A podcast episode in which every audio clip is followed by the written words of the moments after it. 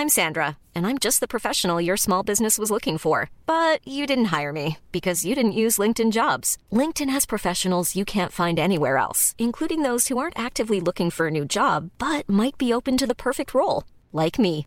In a given month, over 70% of LinkedIn users don't visit other leading job sites. So if you're not looking on LinkedIn, you'll miss out on great candidates like Sandra. Start hiring professionals like a professional. Post your free job on linkedin.com/people today. It's that time of the year. Your vacation is coming up. You can already hear the beach waves, feel the warm breeze, relax, and think about work. You really, really want it all to work out while you're away. Monday.com gives you and the team that peace of mind. When all work is on one platform and everyone's in sync, things just flow wherever you are. Tap the banner to go to Monday.com.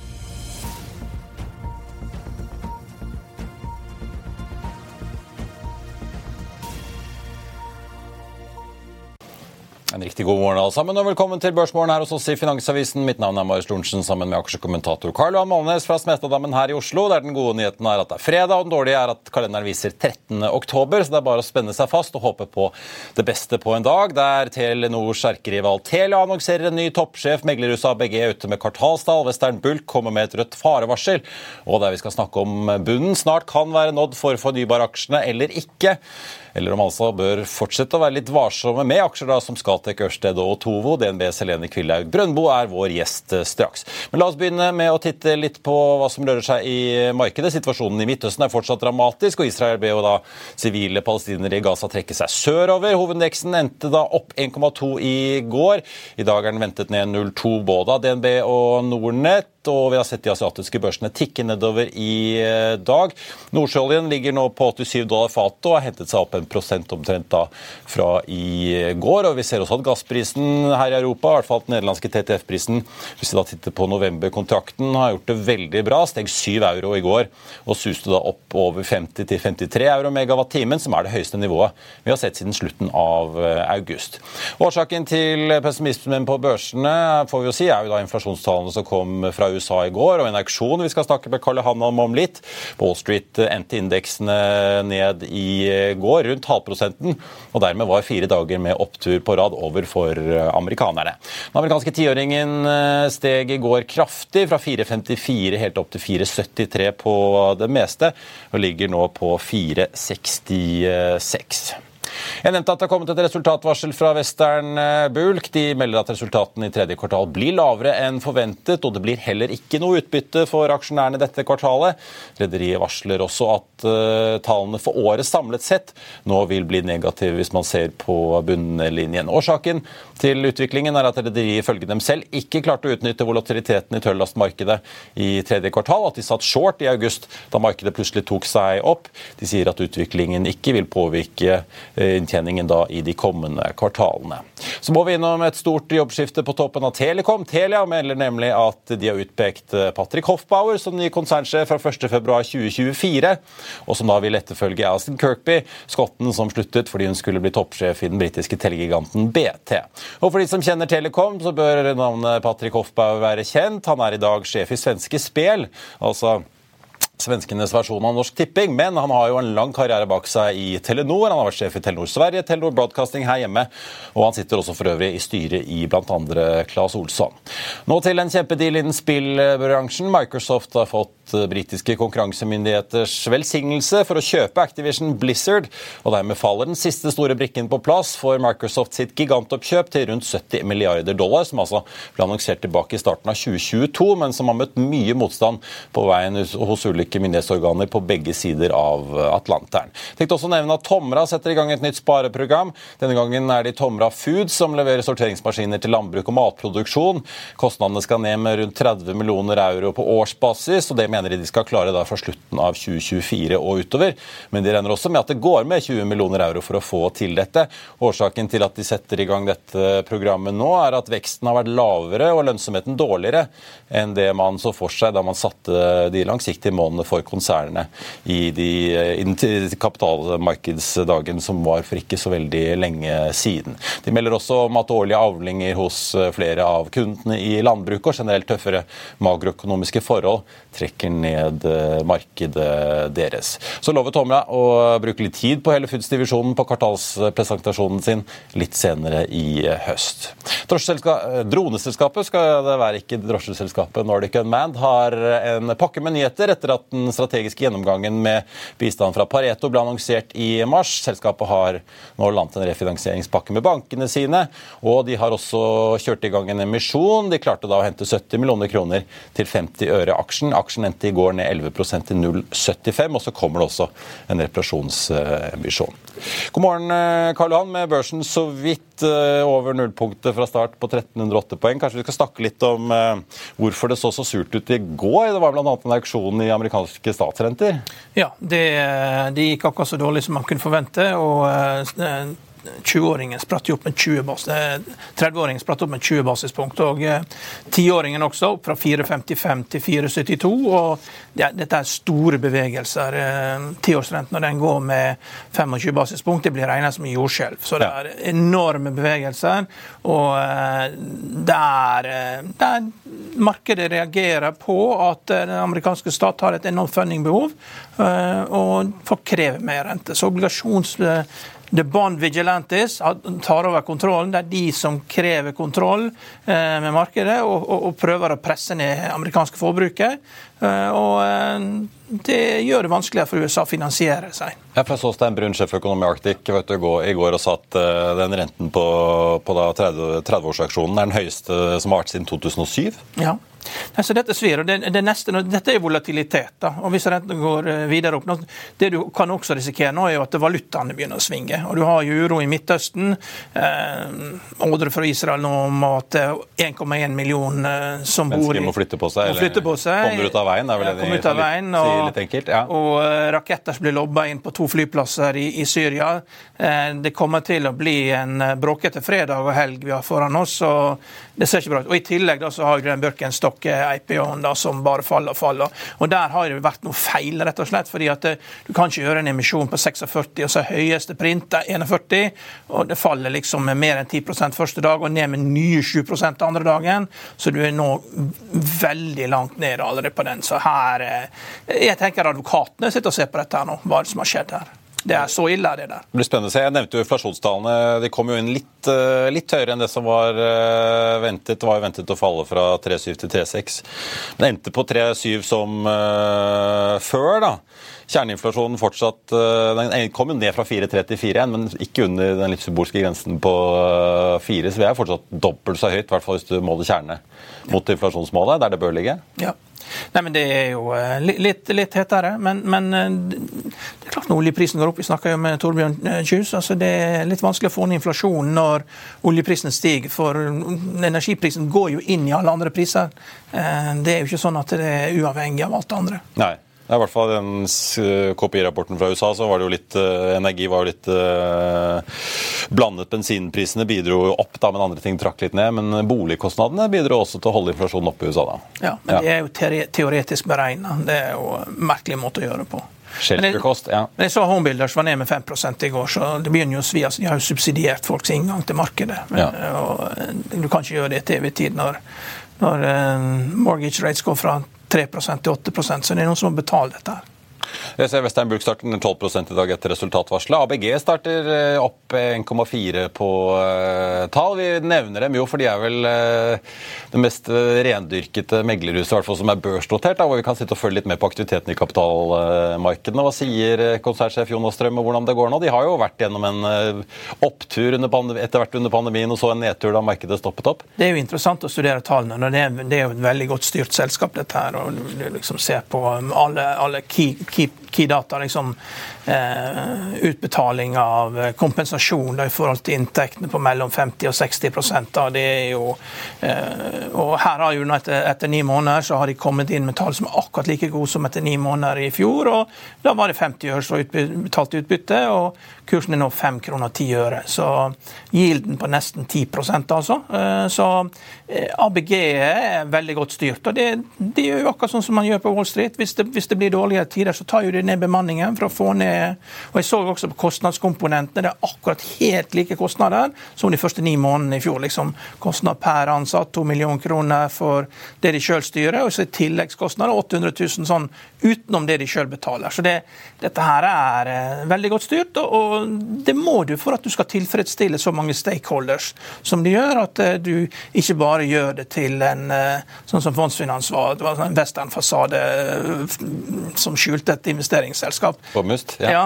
Men dette her er, dette her er jo et meglerforetak der meglerne blir tatt godt vare på. Og så sørger jeg også for fornying. altså Kristian Fyksen, som er eh, konsernsjef, ikke konsernsjef, ny Norge-sjef, ja. han er jo veldig flink. Vi kjenner jo han fra den vi jobbet i DNB, og han er en veldig flink fyr. Så det, det er et meritokrati som fungerer. Det er veldig flinke folk. Og, eh, men, men, så er spørsmålet da eh, Det er jo konjunkturutsatt, dette. Så man skal ikke løpe og kjøpe den aksjen. Det er ingen analytikere som følger den, men, men man skal alltid bare vite at det, det er veldig godt styrt styrt. Så er også det at Når de da får problemer i Sverige, som de tror de har fått, så prøver de å allokere folk til alternative private wealth management. Men private wealth management har de holdt på med i Sverige i 25 år, og de fikk virkelig en aha-opplevelse eh, i forbindelse med TMT-bobla. Og de har, holdt, de har hedgefond i Sverige, så det er mye mer styrt. I Norge så er vi fortsatt spekulative. Vi driver og jager skipsaksjene, og vi driver og jager oljeaksjene.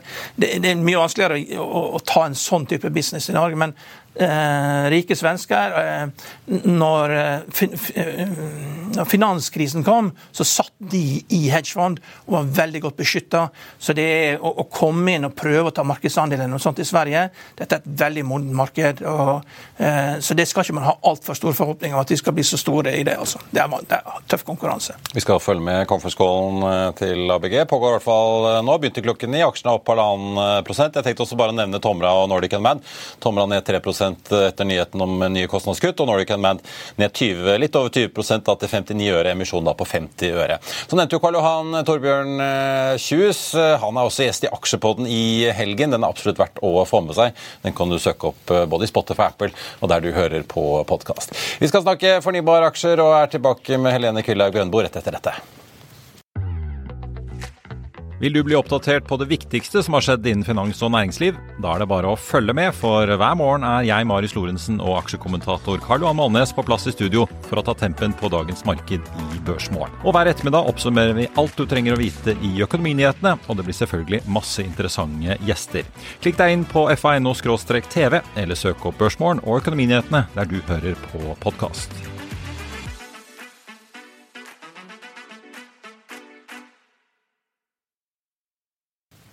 Da skal vi til eh, dagens eh, gjest, som så sent som i går kunne orientere kundene sine om eh, får vi si, dessverre nok en dårlig nyhet for, fra fornybarnæringen. Den danske fornybargiganten Ørsted klarte nemlig ikke å få amerikanerne med på å jekke opp strømprisene i havvindprosjektet Sunrise, som de har i USA, og der de allerede har tatt store tap. Så da Helene Kvillag Brøndbo, ser det kanskje litt dystert ut for å få opp lønnsomheten for danskene i dette prosjektet, eller? Ja, det ser, det ser veldig mørkt ut sånn ståa er nå. Jeg tror selskapet har, hadde regnet med at de kom til å få en 27 eh, justering på inntektene på prosjektet, og de har vel egentlig sagt at prosjektet er i risiko for å ikke bli realisert hvis de ikke har fått det. Og nå som de da ikke har fått det, så tror jeg jo en at uh, dette vil gjøre at nedskrivningen i USA blir enda større enn eh, det de tidligere har annonsert. Og så tror jeg jo at prosjektet enten nå da vil utsettes og prøves å bli bydd inn igjen i senere runder i New York, eller da faktisk også potensielt kanselleres grunnet de veldig store kostnadsøkningene prosjektet har sett, som en kombinasjon av økte renter, som nå ser ut til å kanskje fortsette oppover, og økte kostnader pga. inflasjon, og også økte kostnader pga. visse verdikjedeutfordringer som har vært spesielt da i havvindmarkedet i USA. Veldig hyggelig å ha deg her, og god morgen. Det glemte jeg å si også.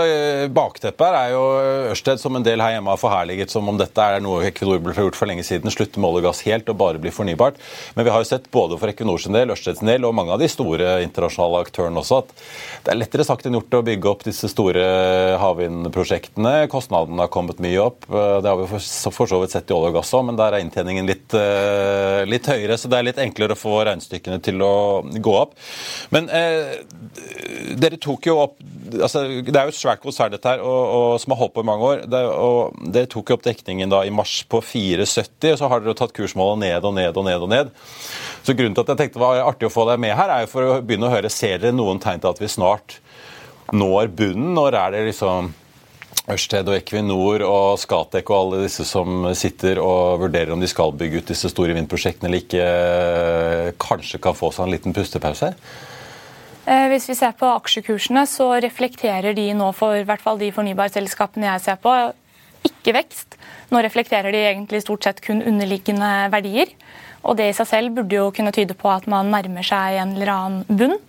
Men samtidig så er det fortsatt en periode nå hvor man kan forvente en del negative nyheter, spesielt på havvindindustrien. Når man ser at en stor og egentlig ganske redelig aktør som Ørsted har vært ute og annonsert nedskrivninger, så tror jeg jo at andre også kommer til å, å måtte gjøre det. Ja, for De sa jo selv at de har investert en 27 milliarder danske kroner omtrent eh, i USA. Dere regner med at rundt 16 av de blir nedskrevet som tap? Ja, det er to av tre kroner. Nå kanskje litt mer. Ja. Er, det, er, liksom, eh, er, situasjonen det samme for Equinor sitter jo i store prosjekter. Er, det liksom, er bildet likt for alle disse aktørene? Eller er Ørsted liksom, har de vært spesielt uheldige? Jeg vil si at det bør være ganske likt for alle med eksponering mot USA. Mer modne markeder for havvind i Europa har nok i en litt mindre grad blitt truffet av disse tingene som har skjedd. Fordi verdikjeden der er mer moden og kostnaden ved å bygge ut derfor er lavere. Men man ser jo også i UK at det er store problemer med å få til lønnsomhet. Og, mye av grunnen til det er jo denne mismatchen mellom disse økte kostnadene og de inntektene som myndighetene har lyst til å gi til havvind. Myndighetene har jo nytt godt av mange år med fallende kostnader for havvind, eh, og sånn sett blitt godt, godt vant. Og nå sitter mange myndigheter og har pressede statsbudsjetter og får da forespørsler om å faktisk betale mer for havvind. I en periode hvor man også ser at andre fornybare teknologier, sånn som sol, har fallende kostnader. Og det tror jeg sitter langt inne og for mange å betale den høyere kostnaden for, for havvind. Man har sett tidligere tegn på det i USA, og i UK også, hvor de nylig hadde et anbud med en maksimumspris som var lavere enn for vind på land. Tro det, tro det eller ei. Ja, for det er jo ikke billigere å bygge ut enn vind på land? Absolutt Nei. ikke. Og, og, nå har man jo sett enda et negativt datapunkt i så måte fra, fra New York. Eh, da Ørsted hadde den store nedskrivingen nå i august, eh, så hadde de jo en call hvor sjefen satt og de ble spurt om dette. om det, Er dette et USA-problem eller er dette et problem for hele vindbransjen? Han eller de sa at de foreløpig ser at det er, for i hvert fall så vidt de mener, et USA-problem. Men nå har vi jo en havvindauksjon som kommer opp i Norge, hvor flere selskaper som er på børsen, eh, har tenkt å være med. Noen har trukket seg ut allerede, som Magnora, som jo er børsnotert. Eh, men hvordan vurderer dere det? Er, det? er dette et mye større problem enn bare et USA-problem? Absolutt. Økte renter treffer, treffer alle land. Økte kostnader treffer alle land. Verdikjedeproblemer treffer nok USA hardest. Men, eh, men, de andre elementene der bør gjøre at det blir dyrt nok. Og husk også Hiring for your small business? If you're not looking for professionals on LinkedIn, you're looking in the wrong place. That's like looking for your car keys in a fish tank. LinkedIn helps you hire professionals you can't find anywhere else, even those who aren't actively searching for a new job but might be open to the perfect role. In a given month, over 70% of LinkedIn users don't even visit other leading job sites. So start looking in the right place. With LinkedIn, you can hire professionals like a professional. Post your free job on linkedin.com slash people today. I'll see you in court. Vi sier det ofte litt på spøk, men for deg som driver business, er det aldri moro å innse at du ikke har laget en 100 gyldig kontrakt. Du bør ikke risikere hele firmaet ditt fordi du synes dette med kontrakter er litt stress. En avtale er ikke en avtale Du kan miste kunder, miste venner, ja, til og med miste inntekter om du ikke lager en skikkelig kontrakt, på alt mulig, egentlig. Men vi vet det er et styr. Kopimaskiner, tregprinter og haugevis av papir. Dessuten stoler vi jo på folk her i landet. Det er ofte litt kleint å skulle be om en signatur for alt mulig, ja, for mye av styret handler også om jakten på underskriften. Det finnes en enkel måte å løse dette på, Dukkobit, en trygg, effektiv og get this, gratis måte å sikre seg en god natts søvn pluss en juridisk bindende avtale. Dukkobit-appen har de strengeste sikkerhetskrav i bunn, samt en EU-godkjent og sertifisert teknologi. Framover vil det bli behagelig å spørre du, skal vi skrive under på det, eller? Kom i gang på dukkobit.no. At Norge er et relativt nytt marked eh, med tanke på, på havvind. Og der skal turbinene stå ganske langt fra land. De skal stå på ganske dypt vann. Som også vil gjøre at kostnaden ved å bygge ut dette vil være høyere enn det det er i en del mer modne markeder, sånn som f.eks. Tyskland og Nederland. Utenfor Kastrup og København annet? Ja. Markedsverdien til Ørsted er nå 158 milliarder danske kroner. Så hva er, hva, er, hva er, i kjernen av dette selskapet? Det er varmekraftverk, og det er tradisjonell Du har gjort en selskapsanalyse. Så du tar bort havvind, og du tar bort eh, hva er, som, hva er, det man regner for å være kjernen av dette selskapet? Hvilke verdier er det som ligger der? Det er, jo, det er jo egentlig den havvinden som er oppe og står. Så har de noe vind på land, spesielt i USA, som er oppe og står. Og så har de noen varme, varmekraftverk. Og på mine estimater så utgjør den kjernen av det som er oppe og står, det er ca. 315 kroner per aksje. Riktig. Ja.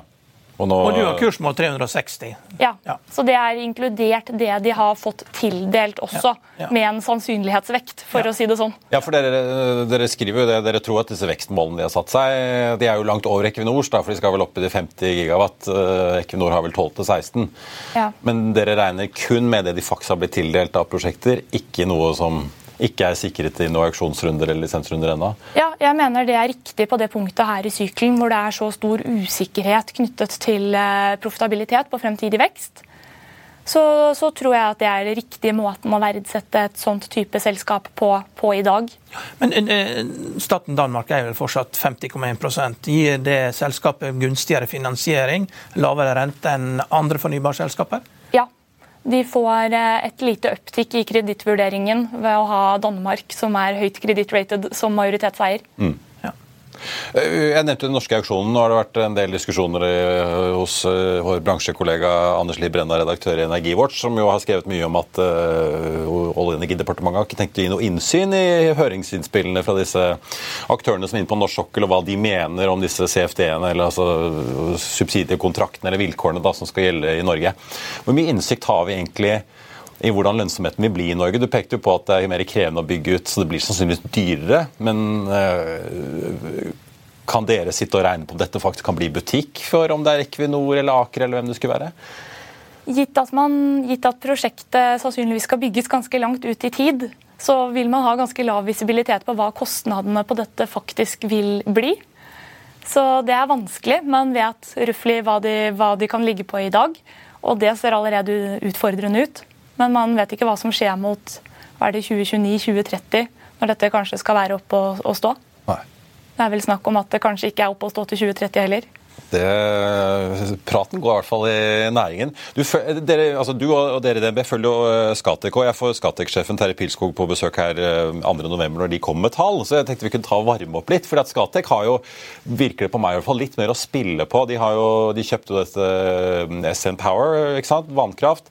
Mm. Så har de selvfølgelig vind, og de har sol. Sist jeg snakket med Pilskog, så var han jo mye mer optimistisk på, på sol, solenergi som satsingsområde for dem, og også lønnsomheten der.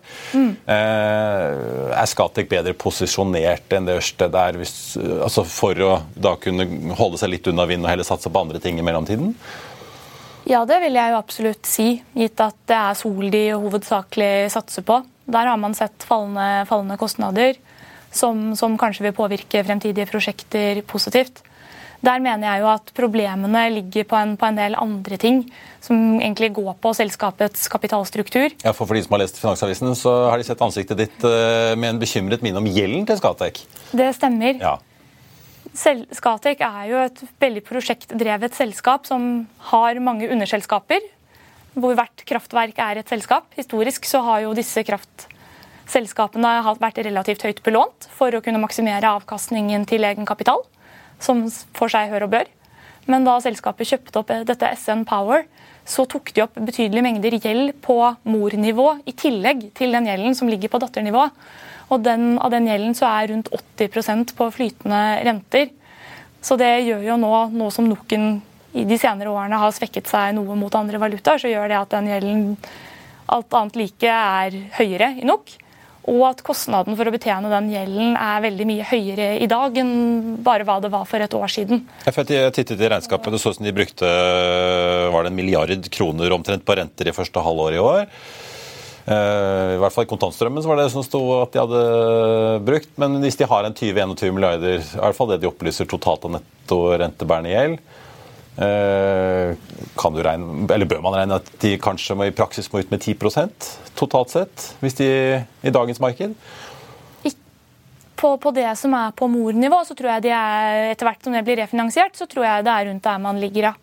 Og så er det litt annerledes på prosjektnivå, for der, der vil gjeldsrenten typisk avhenge av hvilket land de er i, og der er den, der er den også hedget. Så der er det relativt lite renterisiko. Ja. Vi, vi, hadde jo Nell eh, Hydrogen inn her, og de sa jo det at etter IRA kom, så er det ingen som snakker om hydrogen i Egypt lenger. Og altså Inflation Reduction Act? Ja, ja Inflation Reduction Act. Og, og det vil jo redusere CapExen til Skatec. og eh, tidligere CFO som hadde ansvar for dette. her, Han har jo sluttet og funnet seg en ny jobb også, så det må jo være Men, men, men eh, jeg ser jo på estimatene til Skatek. Det er forventa at inntektene skal stige fra 3,8 milliard til 5,5 milliard kroner. Er det svak krone som løfter dette, eller er det vekst? Og også estimatene er forventa å få resultat på en halv milliard både i år og neste år. Er dette realistiske tall? Eh, eh, tror du at de når estimatene sine, de konsensusestimatene? Ja, det vil, jeg, det vil jeg tro. fordi ja. det som er inkludert der, det er det de har i drift i dag, og ja. det de har under utbygging. Ja. Så der bør det være relativt lite risiko. Og sånn, sånn, jeg ser på selskapet, så er det jo absolutt ikke distresst med det de har i dag. Problemet er bare at de ikke har den kapitalen de trenger for å vokse så mye som de sier de skal. De må legge en plan. Ja, for de har jo allerede så har vi sett de har jo begynt å ta ned i hvert fall, Om det var den nye sjefen eh, sin skyld eller ikke, men de har i hvert fall begynt å ta ned vekstmålene ganske betydelig. I hvert fall signalisert at de, de, kan tilpasse seg nedover hvis det er behov for det. De har jo solgt eh, et anlegg i Sør-Afrika for å få inn penger, selv om det egentlig er en av kjernemarkedene deres.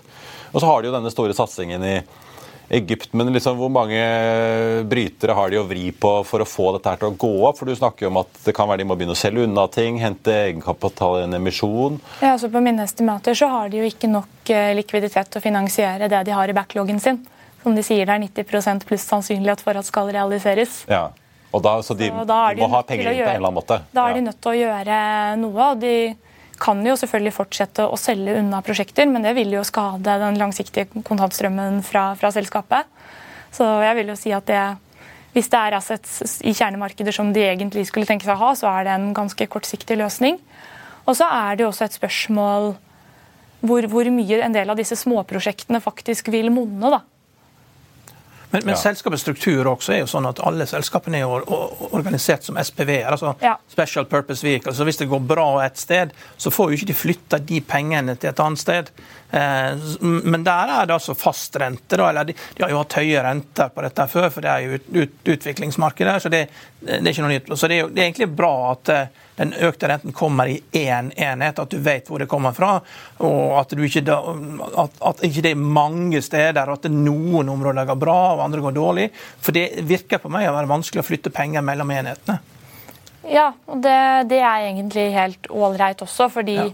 Hvis du ser på hvordan kapitalstrukturen innad i et sånt prosjekt er, så tar du jo mesteparten av kostnadene up front når du bygger det. Det er jo veldig begrenset med kostnader mens anleggene er i drift. Det er ganske friske EBITDA-marginer på Ja, Men får du pengene ut av disse landene? Altså Hvis du tjener mye penger, og etter hvert så nedbetaler du den gjelden, men pengene blir jo disse landene også. Så, så, så... De overføres opp til, opp til Skatex sitt morselskap. Så de, de, får de ut av disse landene? Det går helt ja. greit? Det, det, er ikke Argentina, dette her, altså? Nei. Det er jo Argentina også. Vi får se hvordan, vi får se hvordan det går. Ja. Der har vi jo hatt uh, hvert fall en historie med mye prisvekst og mye ja. Men Forventer du noe på tredjekvartalsrapporten konkret, eller er dette mer en sånn langsiktig utfordring som de er nødt til å ha en eller annen plan for? Jeg, jeg tror det er i det litt lengre bildet enn en Q3, og at selskapet kanskje, i hvert fall så lenge de har opsjonaliteten til det, heller vil fortsette å, å, å selge unna assets for å fortsette å kunne finansiere vekst kort, kort frem i tid. Ja. Men på et eller annet tidspunkt så er de nødt til å gjøre det. og jeg tror jo at det er veldig mange i kapitalmarkedene som, som er enig med meg. Og når det har blitt en greie, så tror jeg jo det er bedre for selskapet. Og om de hadde fått inn den likviditeten de trenger med en gang og blitt ferdig med det. Men hvor, altså det, for det, Nå husker jeg ikke akkurat tallet, men det var jo flere milliarder du mente måtte på bordet her, gitt den prosjektporteføljen de har under planlegging? Ja, og hvert fall hvis de også skal gjøre noe for å ta ned den gjelden på, på overhead-nivå, sånn at de kan bruke mer av den kontantstrømmen fra, fra drift ja. til å finansiere videre vekst. Ja, for der har de jo åtte, nesten 9 milliarder kroner, var det det på topp i gjeld? Ja. Mm. Vi får følge med. Du, du, har jo selv 55 kroner på den og låner på 58 i går, eh, selv på Ørsted. Du, eh, du har kjøp på Otovo. Eh, som jo har en, eh, en, artig og interessant sjef som er veldig, veldig entusiastisk på eget selskap sitt vegne. Det skal Torsheim ha. Eh, men det er jo en bransje som har vært i kjempevekst. Men de har jo ikke klart å, å vise at de tjener noe penger enda. Så kom det jo nylig her en pakke med masse mer støtte i Tyskland hvis du installerte både elbillader og batteri og solceller som, som Otovo kastet seg rundt og, og fikk tilbudt. Men jeg så den meldingen som de kom med her om dagen, som jeg egentlig ikke ble så veldig mye klokere på. for De selger jo da denne leasingporteføljen i Norge og Sverige så vidt jeg skjønner, ja. til dette pensjonsfondet Swiss Life. Ja. Får inn penger. Men jeg ble ikke noe klokere på om de faktisk får, noe, får de noe gevinst av dette her, eller handler det bare om at de selger det på en måte fordi det er bokført til, bare at de da slipper å, å sitte med den store leasingporteføljen på sin egen balanse, som de da også må finansiere? Basert på nå, nå, er, jeg, nå, har du ikke rapportert noen bokført gevinst ennå, men basert på hva bokførte verdier har vært på, på den, eh, den, biten av porteføljen, og så tar man med litt, litt, kanskje en litt viss andel goodwill fra da de kjøpte tilbake dette DEA, så tror jeg bokført gevinst på, er på rundt 35 millioner eh, kroner. Så det er en bokført gevinst på det, på det absolutt. Ja, Men er dette um fordi det virker jo, Hvis du leser børsmeldingen deres, så virker det jo som at de mener at nei, nå har vi vist at denne leasingmodellen funker, og vi kan selge det videre. Eh, og at dette er et bra investeringscase, men er dette, er dette en så stor milepæl, og er det nok til å begynne å snu eh, utviklingen sånn at de kan begynne å tjene mer penger? Eller tjene penger, punktum? Jeg vil si at jeg, jeg synes Det er veldig bra for equity-storyen til selskapet at de faktisk har vist at de har klart å selge en sånn portefølje. For det har vært en del uro og bekymringer i kapitalmarkedene relatert til hvorvidt det er noen som faktisk har lyst til å, å kjøpe dette. Gitt at Dette er jo på mange måter litt som et fornybarprosjekt, bare at det er mange forskjellige kunder med, med, sol på taket. Men mange har jo vært skeptiske til om noen har lyst til å ta på seg motpartrisikoen mot husholdninger istedenfor en industriell motpart. Og Det har man jo nå sett at selskapet har klart å gjøre. De har klart å selge det til en implisert VAK på, på 6,4% som er relativt bra gitt det rentenivået vi har i dag. Men på mine estimater så, så, vil ikke det de får inn fra dette salget være nok for at selskapet skal være fullkapitalisert for, for videre vekst. Jeg ligger vel fortsatt inne med at selskapet er nødt til å enten selge flere porteføljer eller hente penger i Q2-24. Så jeg vil si at det er en, en stor positiv for å vise at business case faktisk fungerer. Men det betyr ikke at selskapet er ute av de likviditetsutfordringene de har. Og på mine estimater så vil det også ta litt tid før de begynner å generere positive, en positiv EBITDA fra, fra driften også. Mm. Det er kanskje ikke før i, i 24-25. Så, så jeg tror de er nødt til å enten selge mer eller å hente, hente mer penger. Men på de andre som vi snakket om, Ørsted og Skatek, så har dere jo salg og truffet ganske bra. Otovo ligger på rundt 7 kroner. Dere har kjøpt 16. Er det litt vel hårete? Hvis du tror at kan, her kan det komme en emisjon og de må hente mer penger? Jeg tror at det kan være usikkerhet i aksjen i det korte bildet, ref, ref dette med emisjon, men at når selskapet har vist at forretningsmodellen fungerer, og, og det ikke vil være dette kapitalbehovene hengende over dem, så, så, tror jeg det er noe som kan være realistisk, ja. Så har de vel i hvert fall fått fordelen av både å ha tydeligvis tyske myndigheter på laget, og også dumpingen av kinesiske solpaneler i Europa, som har drevet ned prisene, er jo positivt for dem, da, for da blir det jo billigere å selge ut.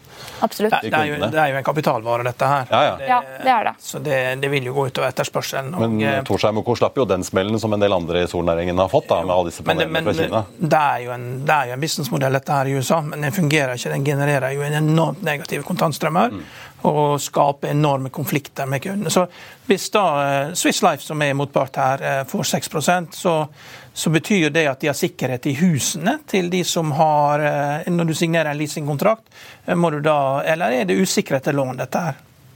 Det er ikke sikkerhet i husene, nei. Det er sikkerhet nei. i solcelleanleggene. Så Swiss Life, drill. ja, Swiss Life altså er villig til å investere. De kan altså investere i statsobligasjoner i USA til 5% eller usikrede lån til norske, norske, folk som ikke kan regne på at det er gjort med sol på taket. Det er jo ikke noe særlig god kreditt når folk ikke kan regne.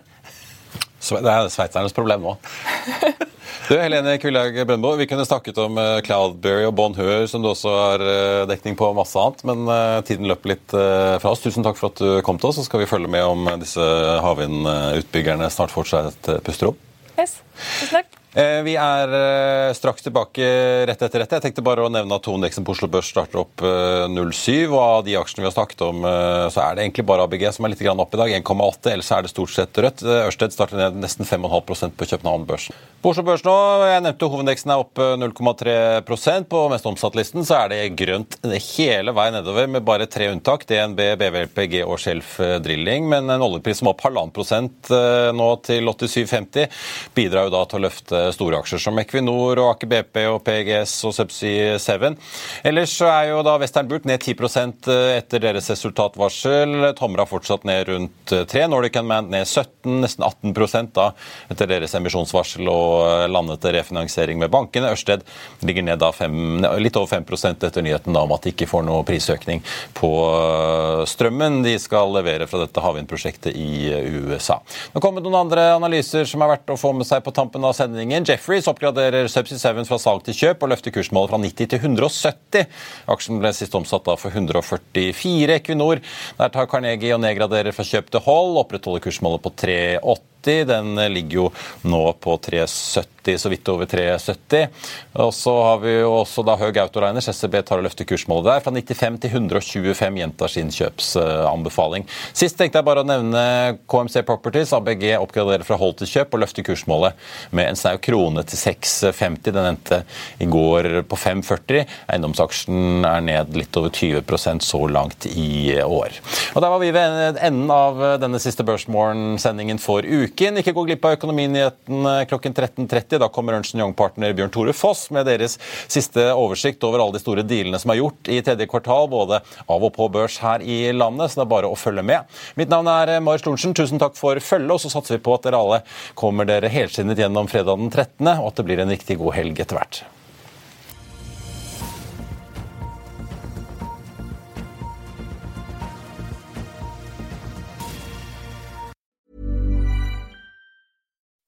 When you make decisions for your company, you look for the no-brainers. If you have a lot of mailing to do, stamps.com is the ultimate no-brainer. Use the stamps.com mobile app to mail everything you need to keep your business running with up to 89% off USPS and UPS. Make the same no-brainer decision as over 1 million other businesses with stamps.com. Use code PROGRAM for a special offer. That's stamps.com, code PROGRAM.